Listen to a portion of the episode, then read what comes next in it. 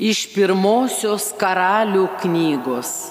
Šventiklos pašventinimo dieną Saliamonas visos Izraelio bendrijos akivaizdoje žengė prie viešpaties altoriaus ir išskėtęs rankas į dangų meldė. Viešpatie Izraelio Dieve, tenai danguje ir čia žemėje nėra tokio Dievo, kuris kaip tu laikytųsi sandoros ir rodytų palankumą savo tarnams, kurie su visa širdimi jo akivaizdoj gyvena. Ar vis dėlto Dievas iš tikro gyvena žemėje? Štai net ir dangus, ir dangų dangus nepaėgė tavęs apriepti, tai kągi kalbėti apie šitos namus, kuriuos pastačiau. Priimk mano viešpatie Dieve savo tarno maldas ir maldavimą. Išgirškis šauksmą ir maldą kurią tavo tarnas tau kalba šiandieną. Naktį ir dieną laikyk atmerkęs akis ant šitų namų, ant buveinės, apie kurią esi sakęs, ką čia tavo vardas gyvensės. Išklausyk į maldą, kurią tavo tarnas atlieka prie šitos buveinės. Atsižvelk į savo tarno ir savo tautos Izraelio meldimą, kada jie melsis prie šitos buveinės. Išgirski juos danguje, vietoje, kur gyveni. Išgirski juos ir būk maloningas. Tai Dievo žodis. Dėkojame Dievui.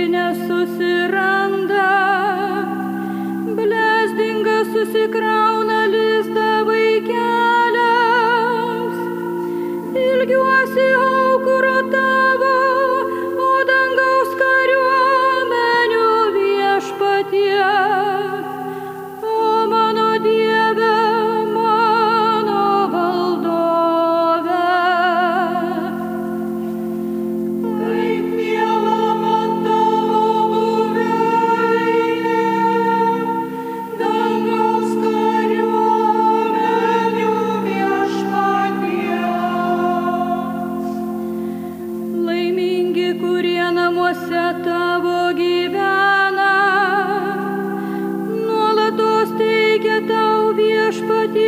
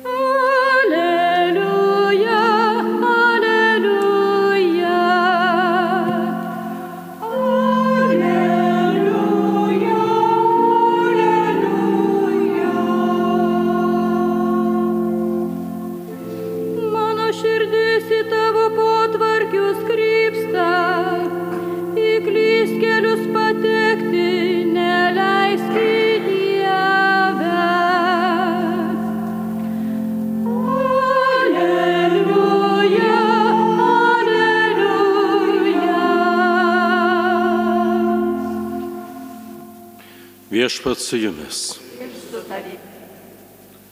Iš Šventojios Evangelijos pagal Morku. Pas Jėzų susirenka fariziejai ir keli rašto aiškintojai atvykę iš Jeruzalės. Jie pamato kai kuriuos jo mokinius valgant suterštomis, tai yra nemazgotomis rankomis. Mat fariziejai ir visi žydai, siekdami prosenių padavimu, valgo tik rūpestingai, nusiplovę rankas. Taip pat sugrįžę iš turgaus, jie nevalgo neapsiplovę. Be to yra dar daug nuostatų, kurių jie laikosi siekdami padavimu, pavyzdžiui, taurių, podelių bei varinių indų plovimo. Taigi fariziejai ir rašto aiškintojai jį klausia, kodėl tavo mokiniai nesilaiko prosenio padavimo ir valgo suterštomis rankomis? Jis atsako jiems, gerai apie jūs veidmainius pranašavo Izaijas, kaip parašyta. Šitauta šlovina mane lūpomis, bet jos širdis toli nuo manęs. Veltui jie mane garbina, mokydami žmonių išgalvotų priesakų. Atmesdami Dievo įsakymą, jūs įsikibę laikotės žmonių padavimo. Ir jis pridūrė, puikiai jūs apeinate Dievo įsakymą, norėdami išsaugoti savąjį padavimą.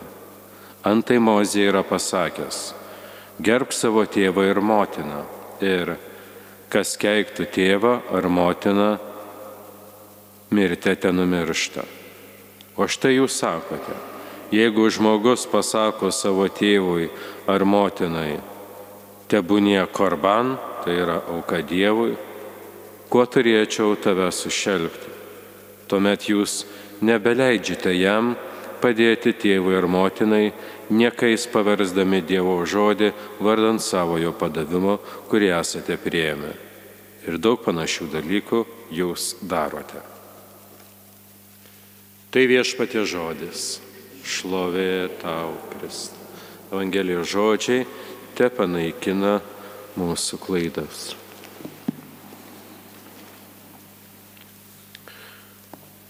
Šios dienos Evangelija jinai mums kalba ir apie papročių, tradicijos laikymasi. Iš tikrųjų, tradicija pati ir savo prigimtimi, tai bendrai kalbant, yra iš tikrųjų kažkas gero. Svarbiausia, tai yra žmogaus gėris. Taip e, padaro tradicija, šventą sakralę, kitaip sakant, tinkama yra praktikuoti. Tradicija turi tarnauti žmogaus gėriui ir pagelbėti mums būti geresniems. Šiandien neretai tradicija yra atmetama tik dėl to, kad neva jau yra per sena. Todėl dažnai tai reiškia tiesiog atsisakymą kažkokio konkretaus gėrio. Turbūt dera teikti, jog gėris yra tuo tikresnis, kuo jis yra senesnis, nes kaip tik šią savybę pasižymintis gėris yra patikrintas gėris. Ir tai visai nereiškia, kad reikia bandyti atrasti kažkokį naują gėrį. Kita vertus, kartais gal ir reikia, bet tikrai nesenojo gėrio sąskaito, o drauge suderinant juos abus, kad tarp jų neatsirastų vienoks ar kitoks prieštaravimas. Nesunku pastebėti ir Evangelijos žinioje yra šiandien ir matome nemažai kritikos skirtų fariziejams. Tačiau iš esmės yra skirta ne fariziejams, o mums. Juk pati Evangelija yra parašyta visai bažnyčiai, visiems pakrikštytiesiems, o ne Jėzaus laikų fariziejams. Evangelistai pritaikė daugybę tiesų apie tą fariziešiškumą dėl labai paprastos priežasties. Visais laikais bažnyčioje netrūko ir netrūksta šio reiškinio. Dievui juk nereikia pagarbos, kuri yra išreiškiama ar atiduodama vien tik tai lūpomis. Tikroji pagarba, kurią atiduodame Dievui, yra išreiškiama širdimi ir reikalinga mums paties, patiems, kad mes prie jo artėtume, o ne toltume nuo Dievo. Iš Evangelijos puslapių žinome ir kitose Evangelijos vietose Jėzus buvo jisai griežtas su veidmainiais. Jis keliavo per miestus ir kaimus, nuolat susidurdamas su žmonių skausmu ir vargu visur, kuris beitų, pa žmonės į aikštės prie namų durų, kur Jėzus apsistodavo su savo mokiniais, negalėdami prieiti arčiau netgi nuo stogų po kojomis jam leisdavo ligonius. Jo šaukėsi akli, elgetos, sergančios moteris tengiasi paliesti bent jo apsausto kraštą. Žmonės tikėjosi, kad netgi ant jų kritęs Jėzaus lašelius bus tarsi glamonė kenčiantiems žmonėms. Todėl tai, su ko viešpats susidūrė, dabar turėjo jį ir gerokai ir nustebinti. Ir Jėzus sutiko žmonės besiginčiančius ir priekaištaujančius dėl neplautų rankų, mokančius kokių nuostatų reikia laikytis, plaunant stalo įrankius ir indus. Iš, tik, iš tikrųjų buvo dėl ko ir supykti, ir nusiminti. Vis tik tai išganytojas niekuomet nepasimeda, netgi ir tada, kai susiduria su pačiais paviršutiniškiausiais žmonėmis, nepraranda drąsos ir tuomet jam tenka bendrauti su mumis. Jis nuolatos rodo kelią iš išorės į vidų ir nuo daiktų į širdį. Tikras tikėjimas prasideda tada, kai žmogus sugrįžta prie savo širdies ir neveltui ir šventajame rašte daugiau kaip apie 900 kartų yra kalbama apie širdį. Žinoma, ne kaip apie jausmingumo ar prisiviršimo simbolį, bet apie, kaip apie vietą, kur, kur gimsta įvairiausi sumanimai ir svajonės, kur pasirenkama tarp gyvenimo ir mirties, kur atskiriama tiesa ir klaida. Širdie viešpats vis tebe kvečia žmonės ir degina ją savo meilės ugnimi taip, kaip tai atsitiko mokiniams prisikėlimo dienos vakare, keliaujantiems į Jemausą, kuomet jie susitiko su Jėzumi, tarpusavėje kalbėdami sakė, argi mūsų širdis nebuvo užsidegusios, kaip jis kelyje kalbėjo. Tačiau draugė žmogaus širdyje galima atrasti visko. Nuodų, užuomasgų ir šviesos spindulėlių, derlingais javais, apsėtų laukų ir iš tikrųjų įvairiausių pikdžiolių.